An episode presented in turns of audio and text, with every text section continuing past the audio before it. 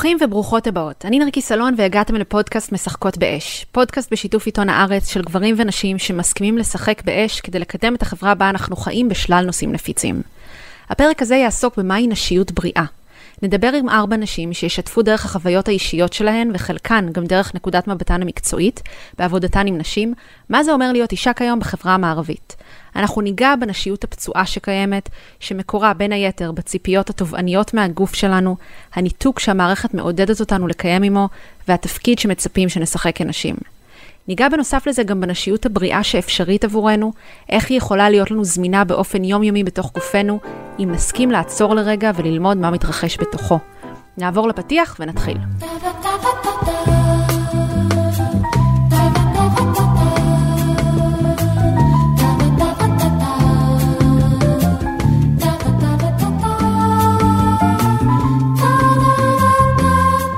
באופן שתואם למה שלמדתי מיצירת הפרק הזה על הטבע הנשי, הוא יהיה בנוי בצורה מעגלית. כל אישה שתשמעו תופיע פעמיים לאורך הפרק. נתחיל עם היכרות עם האתגרים המרכזיים בחברה שלנו שמונעים כיום מנשים להיות בנשיות בריאה. את השיחה הראשונה שלי החלטתי לקיים עם נערה. הרבה ממה שאני למדתי על להיות אישה התחיל בגילאים האלו, בשדה הקרב, בית ספר תיכון. מי אסיה היא זמרת ושחקנית, וסיימה כיתה י"ב בשנה שעברה. ביקשתי ממנה שתנסה לשתף אותנו איך זה מרגיש לגדול בתור נערה בתיכון. אני פשוט הרגשתי כנערה, ואני חושבת שהרבה יכולות להזדהות עם זה, שפשוט הביטחון העצמי שלי היה מאוד נמוך. אמ, שלי בעצמי וב... אוקיי, היה לי תמיד התמונה הזאת, ש... שזה לא בסדר אם אני לא אהיה מושלמת. כלומר, לא יודעת, בנים לא יאהבו אותי, אם אני לא אהיה ממש ממש תמיד רזה ויפה וכזה. אני, אני לא אוהב את עצמי, גם כאילו פיזית וגם נפשית, אם אני לא... למשל, בתיכון אני, אני זוכרת, נגיד ש... אוקיי, משהו אחד נגיד שהייתי עושה מתוך זה שאני לא כל כך מקבלת את עצמי, זה ש... אף פעם לא הייתי כל כך משתפת מה, מה אני מרגישה, אם זה לא כל כך נעים דווקא. כלומר, בתיכון היו לי תקופות נורא נורא קשות. כלומר, תמיד נורא נורא כזה דאגתי, נראה לי להקרין. כזה הכל בסדר, הכל מעולה, גם אם מבפנים הרגשתי ממש ממש רע. ופשוט באיזשהו שלב זה יצר אצלי המון תחושה של בדידות, וכזה ניתוק כזה מ... כלומר היה דיסטנס, היה, היה מרחק כזה נורא גדול בין איך שאני הרגשתי בפנים ובין איך שהעולם ראה אותי, וזה גרם לי להרגיש מאוד בודדה, ולא כנה גם ממש, לא הבנתי, אף אחד לא מכיר אותי, מין תחושה כזאת, שיש בי יותר שאני רוצה להוציא לעולם, ואני לא מצליחה, כאילו להוציא לפעמים צדדים יותר עמוקים ותחושות אה, מגוונות יותר שלי, כי אני כזה מפחדת שזה שאיך זה יתקבל. בנוסף לצורך הזה של ללבוש חיוך על הפנים ולהראות שהכל בסדר, כמו שמי מתארת, חלק מלהיות מושלמת בחברה בה אנחנו חיות זה כמובן להיות רזה. מאוד מאוד רזה. היה לי גם באמת עניינים של הפרעות אכילה בתיכון. אה, זה משהו שמאוד קשור לתהליך שלי עם אהבה עצמית. כזה התחיל כל העניין של גם לפגוש מה זה חיסון. בתרבות שלנו, כזה הבנים היו מדברים על המראה של הבנות, היו מדרגים אותם, כזה, אמ, שזה קורה הרבה. מי הכי יפה, מי הכי פחות יפה, מי הכי שווה, מי הכי פתחת, מי הכי ציצית. אני גם סבלתי מהפרעות אכילה שהייתי בתיכון. לא הייתי בוגרת כמו מי להבין שזה היה קשור לדירוגים שהיו אצלנו על ידי הבנים, או לזה שלא אהבתי את עצמי. האמת שאני לא מכירה הרבה נשים סביבי שלא סבלו מגרסה כזאת או אחרת של המחלה האיומה הזאת. שאלתי את מיי, מה עשה אצלה את השינוי ואיך היא הצליחה להפסיק עם זה? פשוט, אני חושבת שבאיזשהו שלב שאלתי את עצמי נורא נורא באומץ, את, את רוצה לחיות או שאת לא רוצה לחיות? כאילו, ומה זה אומר בכלל לחיות? את רוצה לסבול או שאת לא רוצה לסבול? אמ, גם כזה נורא עמדתי מול השאלה הזאת של הרי הפרעות אכילה זה באיזשהו מקום ממש אה, כמו איזה תהליך הרס עצמי מאוד מאוד ארוך יכול להיות, וזה יכול להיות גם לא כזה ארוך. פשוט כן, זה אשכרה בדרך פשוט להרוס לעצמך את הגוף ואת הנפש, ומין מלא שנאה עצמית, מלא אה, חוסר יכולת לתעל את כל הקושי הזה.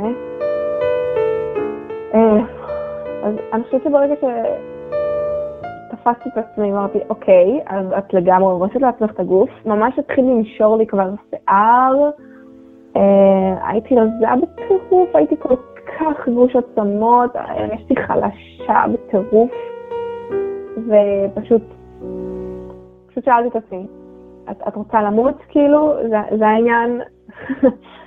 אה, ואני חושבת שמהרגע ש... כזה הבהרתי שזה פה אישיו, חלק מהעניין הזה זה, שאני שונאת את עצמי, אני סובלת כל הזמן ואני לא כל כך רוצה לחיות. אז, אז התחלתי להגיד, אוקיי, התחלתי לחפש מה הדרך האחרת. נחזור למי בהמשך הפרק. הרבה מאיתנו חושבות שהפרעות אכילה זה איזו תופעה שקורית לנערות ואז הן מתבגרות ממנה. אבל מתחת אליה קיים משהו מאוד עמוק, שאפילו אם הפסקנו להקיא או להרעיב את עצמנו, להרבה מאיתנו נשאר. בתור נשים אנחנו מקבלות מסר שאנחנו צריכות להיות תואמות לדימוי המושלם הזה שמי דיברה עליו. אנחנו מורגלות לשעבד את הגוף שלנו, או כל דבר אחר שעומד בדרך, כדי לעמוד במשימה הזאת. פגשתי את אורית פיול אור, שמנחה מעגלי נשים בארץ ובעולם במשך 25 שנים. מחברת הספרים אישה יודעת, כישופים ומחשבות טובות. ביקשתי ממנה שתשתף מניסיונה על התופעה הזאת. פגשתי, אה, לא יודעת כמה נשים פגשתי, אלפים בטוח, ובאזורי מחיה פשוט שונים בטירוף. את יודעת, נשים אה, מאוד עניות, מאוד עשירות, נשים כאלה שגרות בשיכונים, אה, נשים שגרות בבתים כל כך מפוארים שיש פי אלף יותר חדרים בבית מאשר מספר האנשים שגרים שם. פגשתי נשים דתיות בהתנחלויות בתוך אוהלים, פגשתי נשים דתיות ערביות, פגשתי נשים שגרות אה, בלי חשמל ובלי מים, פגשתי נשים, אה, נשים דוברות עברית בברלין, באיטליה, ב, אה, פגשתי המון המון המון נשים, נשות עסקים, הייתי בוועידה כזאת של נשות עסקים, אה, המון נשים, המון המון המון נשים.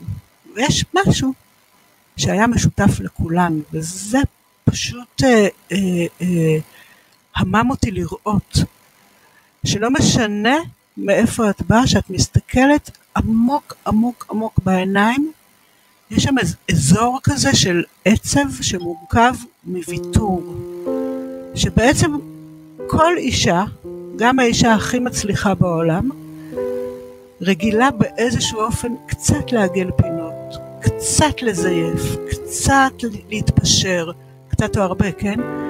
לזוז אחורה כדי לשים מישהו אחר במרכז הבמה כדי שהיא תהיה מאחורי הקלעים. אה, לדעת בסוף שלמרות שהיא לא פגשה את הילדים שלה לא יודעת כמה זמן כי היא הכי עסוקה בעולם שהוא צריך נעלי התעמלות בתיק מחר לשיעור התעמלות. נובע מזה שלמדנו לחשוד או להסתכל על עצמנו במבט החיצוני הזה שגורם לנו לחשוב מי אנחנו אמורות להיות או מי יכול להרוויח או להפסיד ממשהו שהוא אנחנו. מבינה מה אני מתכוונת? בטח, שאנחנו, שאנחנו אובייקט. בדיוק. במקום להיות סובייקט. שאנחנו אובייקט, שאנחנו ספקיות צרכים. את יודעת למשל, אני פוגשת הרבה נשים, את יודעת כמה נשים מקיימות יחסי מין בצורה שוטפת עם הבן זוג שלהם בניגוד לרצונן? ולא, לא, ולא שהוא אונס אותם או כופה עליהן. לא, הן חושבות או... שזה התפקיד שלהן ושהן לא אמורות ליהנות מזה. בדיוק, ואז הן אומרות... זה בכלל לא רלוונטי. כן, את יודעת, הוא ממש ממש צריך, בסך הכל הוא אוהב אותי, ואני אוהבת אותו, זה לא כזה מפריע לי, אז מה אכפת? ואחרי זה הוא רגוע, ואחרי זה הוא אבא טוב, ואחרי זה הוא לא רוצה ללכת לנשים אחרות, אז אני אסכים לו. ואומרות לי את זה, את יודעת, פסיכולוגיות, פרופסוריות באוניברסיטה, אה, נשים שבכל, אה, אה, פמיניסטיות, נשים שבכל דרך, את מסתכלת עליהן ואת אומרת, וואו, היא לא תעשה דבר כזה. אבל בטח שכן. אוקיי, אז את מספקת צרכים, את מספקת צרכים גם של צרכים מיניים, את מספקת צרכים של גידול ילדים, את מספקת צר, צרכי הכלה, כן. אמרנו ביחד, בישול, כביסה, ניקיון, וגם זאתי שהיא, אני חושב, יש לי איזה מישהי בראש, היא מנכ"לית של חברה מאוד מאוד גדולה פה בארץ, אז גם אם היא לא מנקה בעצמה, היא דואגת שתבוא כל יום מישהו ותנקה, אבל זה עליה. מבינה? אז אני חושבת שדרך אגב, אני אגיד משהו שהוא אה, גם, גם נשים מתייחסות לגברים ככה, לא רק גברים מתייחסים לנשים ככה, גם נשים מתייחסות לגברים כאל ספקי צרכים. אז בתור נערות אנחנו צריכות להיות מושלמות, ובתור נשים בוגרות אנחנו צריכות לספק צרכים של אחרים, ובשביל זה מוטב שנתעלם גם מהצרכים שלנו. דיברתי עם שרה טנקמן, מייסדת קרן בריאה, שמחנכת את מערכת הבריאות להיות מותאמת לצרכים של נשים. שרה שיתפה אותי איך חינוך לחוסר הקשבה לגוף ולצרכים שלו כנשים יכול להפוך להיות מערכתי בצורה שמסכנת חיים. האירוע שגרם לי להקים את קרן בריאה קרה כשהייתי בהיריון עם uh, תאומים, והייתי בשבוע 20, פתאום התחלתי להרגיש כאבים.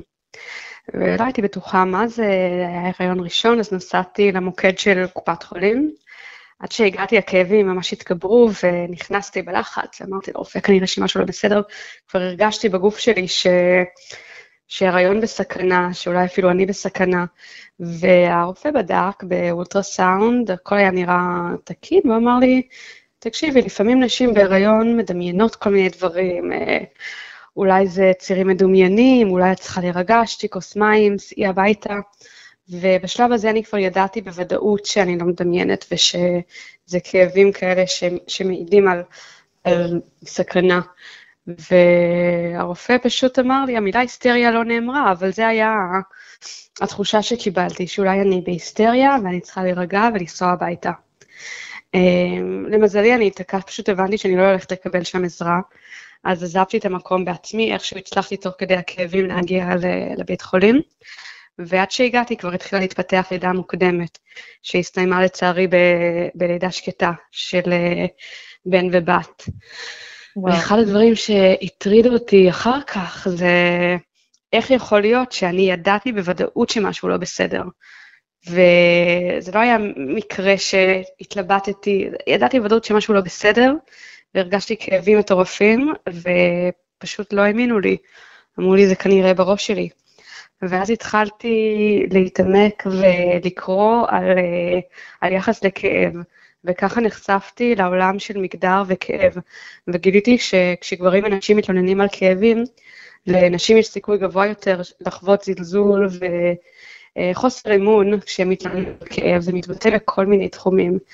אמ, זה לא נובע מן הסתם מאיזושהי אפליה מכוונת, אני לא חושבת שהרופא ראה אותי ואמר, אה, אישה, היא היסטרית. אלא פשוט אנחנו חיים בחברה שמגיל מאוד צעיר חיה עם, עם סטריאוטיפים מסוימים, ואחד מהסטריאוטיפים האלה זה שנשים הן יותר רגשניות ומגזימות. אמ, המילה היסטריה בעצמה היא מבטאת את כל התפיסת העולם הזאת. אמ, וזה לא נעלם כשבאים למפגש רפואי, זה מתעצם עוד יותר. ופתאום הידע שלנו על הגוף שלנו, הוא עומד בסימן שאלה. כי, כי יש את ההנחה הזאת, את הסטריאוטיפ, שאולי את מגזימה, אולי זה בראש שלך. ומתוך ההבנה הזאת החלטתי להקים את קרן בריאה, שעוסקת בזכויות של נשים במערכת הבריאות, כדי שיהיה לנו יותר, אמ, יותר כוח במפגש הזה, בתוך יחסי הכוח האלה. נחזור לשרה ולמה שהיא עשתה עם קרן בריאה בהמשך הפרק. אז איך אנחנו מתקדמות מהנשיות הפצועה של החברה הפטריארכלית לנשיות שהיא בריאה? פגשתי את עינת לב, שמנחה קורסים על בריאות נשית וליוותה לאורך השנים מאות נערות ונשים ללמוד על המחזוריות של הגוף שלהן. עינת אומרת שכדי לעשות שינוי במציאות של נשים, צריך קודם כל להבין את הטבע של הגוף שלנו. והטבע הזה יכול להסתכם במילה אחת, והמילה הזאת היא שינוי. לרובנו, כשאנחנו מגיעות לגיל ההתבגרות ומתחילות ההפרשות על התחתונים, אנחנו מקבלות איזה מסר של, אה, טוב, התחיל לך הדבר הזה, אה, כן, ככה זה, זה קצת מגעיל, שימי תחתונית וזהו. ואז יש איזה נתק. כלומר, אם אני הולכת שוב לתפיסה שיש לה מבנה לבבות ושני זוגות שפתיים, והלב התחתון שלי מנסה להגיד דברים, והוא אומר אותם דרך השפתיים התחתונות. אז כשיש לי הפרשה על התחתונים, היא מנסה להגיד לי איפה אני נמצאת לאורך החודש. עכשיו, אני, אני הרבה פעמים מפספסת את המידע הזה מכיוון שלא למדתי להקשיב. אף אחד לא אמר לי שיש לזה משמעות. כשמסתכלים על גרף הורמונים של נשים, אפשר לראות שאישה אה, לכל אורך החודש אין יום דומה למשנהו. רמות ההורמונים שהיו לי אתמול בדם הם לא רמות ההורמונים שיש לי היום. המשמעות היא שבכל רגע נתון אנחנו משתנות. אישה היא שינוי, היא מסתובבת על ציר משתנה כל הזמן, כמו, כמו השמש, כמו עונות השנה. והמשמעות היא שהגוף שלנו באלפי דרכים, דקות, אומר לך, תסתכלי, עכשיו את פה, עכשיו את בסתיו שלך, עכשיו את בחורף שלך, עכשיו את באביב שלך, וזה משתנה מרגע לרגע. עכשיו, הגוף בחוכמתו מספר לך איפה את נמצאת. כל המידע הזה נמצא על התחתונים.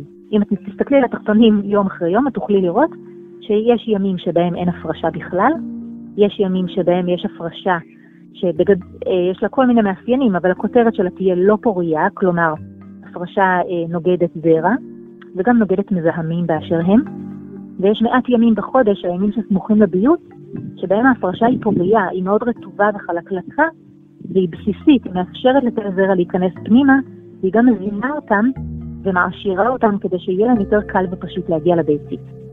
שאלתי את עינת, מה בדיוק אני אמורה לעשות עם המידע הזה? סבבה, אנחנו משתנות כמו עונות השנה, חלק מהטבע, אבל חוץ מזמנים בהם אישה רוצה להיכנס להיריון, למה זה רלוונטי? אני כבר שמה לב מתי בחודש נעים לי לפגוש אנשים ומתי פחות, אז כדאי שאני אתארגן על זה בהתאם. אולי לא מתאים לי לארח עכשיו את כל החמולה של, של הבן זוג שלי לסוף שבוע? אולי עכשיו דווקא כן מתאים לי. אולי מתאים לי להכין מלא אוכל לשכנות שלי שילדו ואולי עכשיו לא. או כל דבר אחר. אני אעמיס על עצמי, אני פחות אעמיס על עצמי. אני מנסה להקשיב. וביחד עם ההקשבה אני גם צריכה להיות ערה לזה שיש, אה, כמו שיש לכל צד של החודש מתנות, יש, לו גם, יש גם, גם את החלקים שאנחנו לא רואים. כדי להסביר את זה אני אחזור עוד פעם לשמש וה, ולירח. אה, אם הביוץ הוא היום הארוך בשנה, היום שבו יש הכי הרבה שמש, זה אומר שהאורות החיצוניים הם מאוד מאוד גבוהים. כלומר, אני ממש רואה טוב את מה שקורה אצל אחרים. אני רואה את אחותי שצריכה עזרה, אני רואה את הבת שלי שלא מרגישה טוב, אני רואה את הבוס שלי בעבודה. אני שמה לב, יש לי מלא אסטרוגן, יש לי יכולת להכיל את כולם ולטפל בכולם. אבל זה משהו אחר. אם האור החיצוני גבוה, מה בחושך? כלומר, אם האורות החיצוניים מאוד מאוד גבוהים, האורות הפנימיים בדרך כלל מאוד מאוד נמוכים. המשמעות היא שאם אני אלך לפסיכולוג שלי בימים של הביוט, סביר להניח שאני אשאל את עצמי, למה אני פה? הכל סבבה, אני לא באמת צריכה טיפול. היכולת שלי להגיע לתובנות בימים האלה היא מאוד נמוכה. לעומת זאת, אם אני אלך לימים של וסת, האורות הפנימיים עכשיו מאוד מאוד גבוהים, אני בשיא החושך, כלומר מה שמאיר זה רק מה שבתוכי פנימה. בחוץ יש חושך. אני פחות ערה למה שקורה אצל אחרים, הם פחות מעניינים אותי, אני לא רוצה לבזבז עליהם זמן, כי עכשיו אני עושה ניקיון וסדר פנימי בתוך מה שקורה אצלי בפנים, ואל תפריעו לי עכשיו. אל תיקחו אותי לבית ספר, אני לא רוצה ללמוד היום. יש לי דברים יותר חשובים להתעסק איתם. אני עושה סדר בבית הפנימי שלי. אחת הבעיות שעינת הציגה זה שכיום נשים, במקום להתמסר לטבע המחזורי שלהן, לוקחות כדורים נגד כאבים במחזור, ובעצם עושות הכל כדי להתעלם ממה שהגוף שלהן מבקש.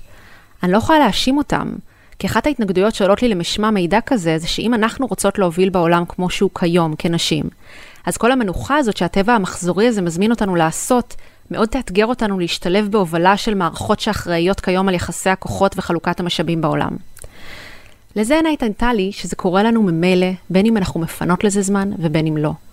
כל אישה, היא אומרת, יכולה לשים לב שיש ימים בחודש בהן היא יותר מפוזרת, בהם היא צריכה מנוחה, וימים אחרים שבהם היא אפקטיבית בצורה יוצאת דופן. ואם אנחנו נשים לב לזה, הימים האלה תמיד חוזרים באותה תקופה בחודש.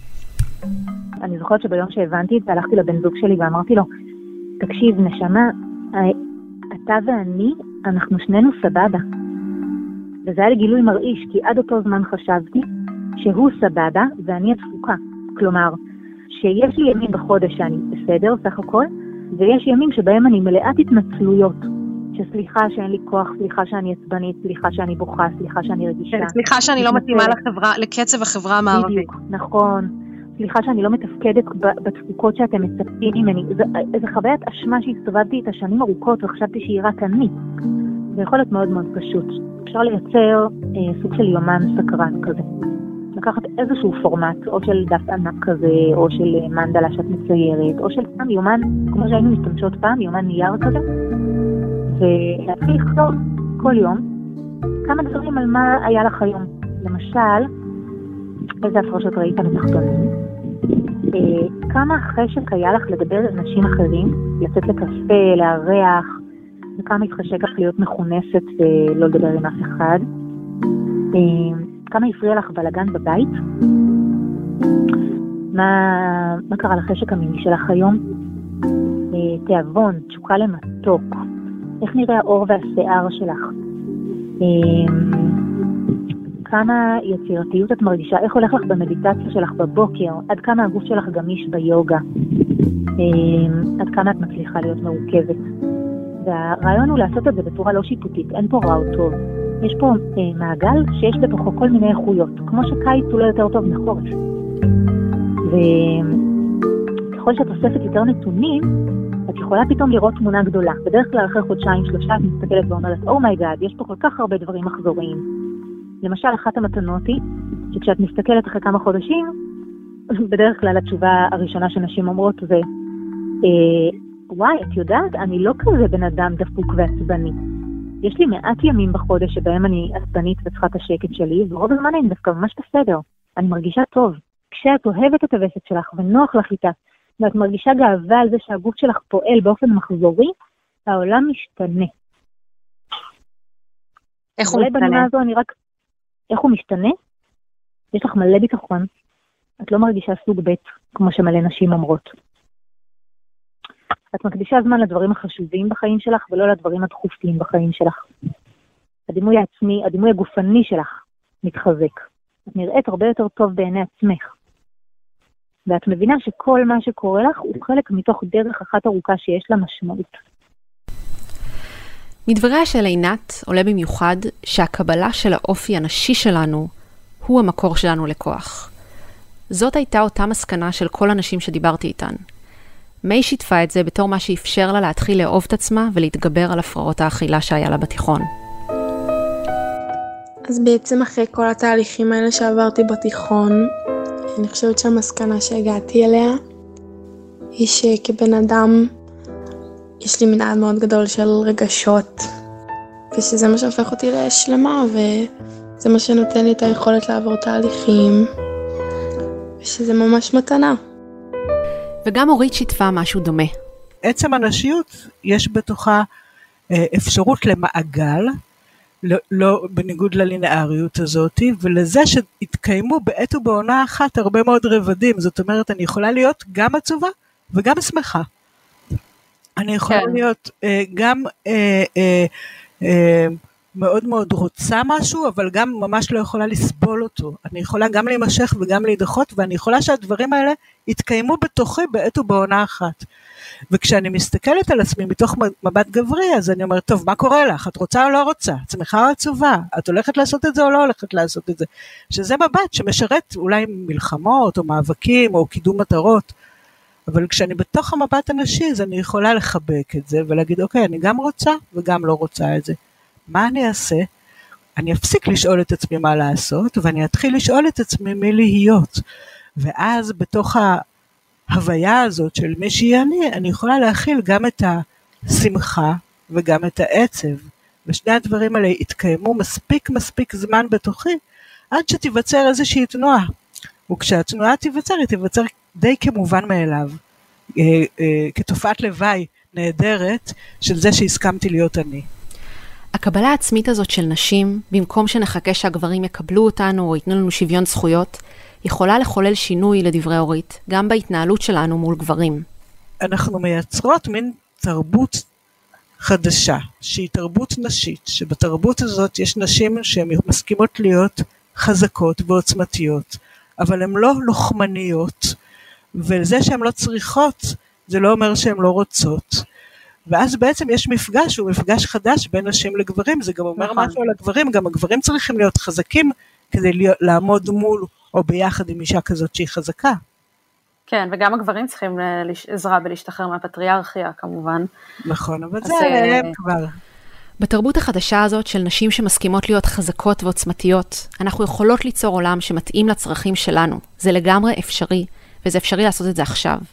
חלק מזה אומר לשנות את המערכת. ככה שרה טנקמן עושה עם קרן בריאה, שמובילה מהלכים של שינוי מערכת הבריאות בישראל כדי שתתאים לצרכים של נשים. אז היום בקרן בריאה אנחנו מחולקים פחות או יותר לשניים. חלק מהפעילות שלנו היא עצמאית, שאנחנו מזהים סוגיות ומנסים להבין מה מפריע לנשים. אה, ואז אנחנו מנסים, מנסות לשנות את המציאות.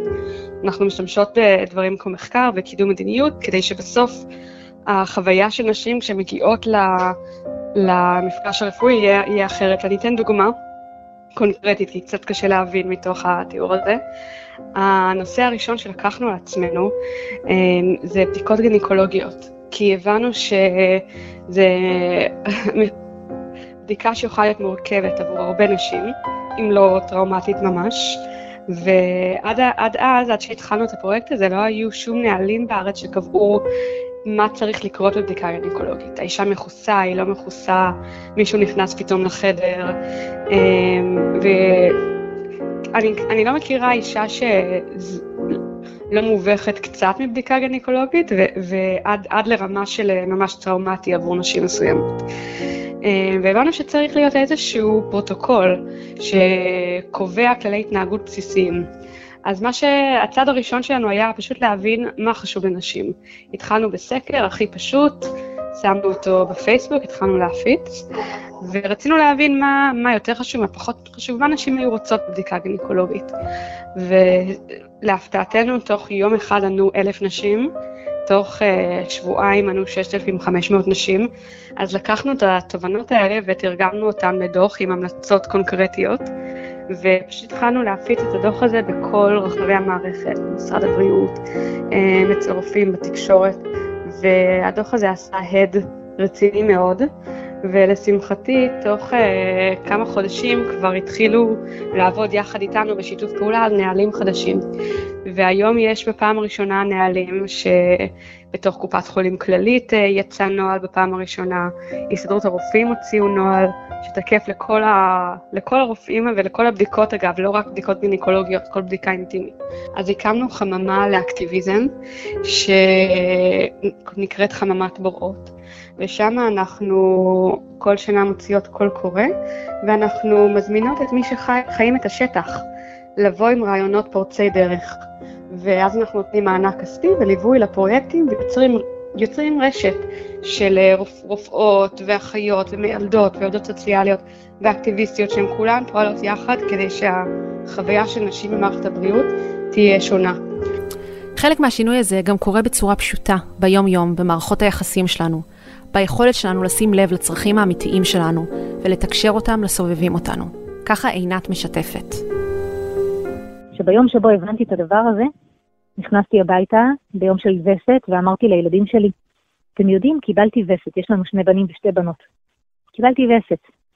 אתם יודעים מה אמהות עושות בווסת? הם אמרו לי, מה? ואמרתי, יושבות על הספה ומקבלות כוס תה מהילדים. וואי, זה מושלם. והייתה לנו אז ספת ריקות, ישבתי לי בפינה, לקחתי ספר, הם הביאו לי כוס תה, ואמרו לי, רגע, ומה עכשיו? אז אמרתי להם, אני ואתם ביום חופשי. אני לא עושה שום דבר היום, וגם אתם לא חייבים לעשות שום דבר. אז הם אמרו לי, מה, מותר להיות במחשב? אמרתי, כן. מותר לא להתקלח? אה, כן. מותר, אה, מותר לאכול פיצה? כן. ואני ישבתי לי על הספה, והם קיפצצו להם ברחבי הבית מאושרים שהאימא, חמורת הסבר שעסוקה בלהאכיל אותם בקמח מלא, רגע הלכה לישון, ו... ואלה הימים המאושרים בחיינו. היו חלקים מסוימים לאורך הראיונות בפרק הזה שזזתי באי נוחות בכיסא שלי. ימים שלמים אני יושבת מול מחשב, לפעמים אני לא דואגת לראות את אור השמש. הרבה מהערך העצמי שלי גם כיום מגיע מכמות המשימות שהספקתי או לא הספקתי לעשות. גם ולמרות שאני עוסקת בעבודת נשים, ונעשתה דרך של להתחבר לגוף ולעצם היותי אישה, אני עדיין מודה שאני עובדת למען הדימוי הזה של האישה המושלמת שמי דיברה עליה. האינסטינקט הראשון הוא הלקאה עצמית ולהוסיף את זה כעוד משימה להשתפר בה, אבל אז נזכרתי במעגל, בגם וגם הזה שהם כולם דיברו עליו, בקבלה עצמית, בלקחת את הזמן רגע ובלנוח, גם בתהליכים של שיפור עצמי. אני מאמינה ביכולת שלנו כנשים לשנות את העולם שבו אנחנו חיות, כדי שיתאים לצרכים שלנו. הגלים הקודמים והמאוד חשובים של הפמיניזם עסקו בלחימה בעולם החיצוני למען שוויון זכויות, ואני חושבת שבימים כאלו אנחנו צריכות בנוסף לזה גם לבנות בעצמנו את העולם הזה שבו אנחנו כבר מובילות, והמערכות שמנהלות את העולם הזה מותאמות למה שאנחנו צריכות. עולם שבו אנחנו טובות ומחוברות אל הגוף שלנו. עולם כזה לא מתחיל בהצהרות גרנדיוזיות וקריאה לקהל אנשים בואו אחריי. הוא דווקא מתחיל בשקט, בהקשבה לגוף שלנו, בכבוד אליו, בהתמסרות לקצב המחזורי שלנו. זו גמילה מהתמכרויות רבות שיש להרבה מאיתנו בחברה בה אנחנו חיות. אבל למזלנו, אם הטבע לא שואלת אותנו, היא חוזרת כל חודש על אותו מקצב, עד שאנחנו נסכים להקשיב לה. תודה שהייתם איתנו, אתם מוזמנים להצטרף אלינו לקבוצת הפייסבוק משחקות באש. שם תוכלו לשתף את דעתכן ולהמשיך את הדיון. ערכו את הפרק מאיה בניסן ואמיר פקטור, עיתון הארץ שותף להפצת הפודקאסט, ניפגש בפרק הבא ונמשיך לנהל את הדיון על יחסים בין גברים ונשים והתנהגות מינית.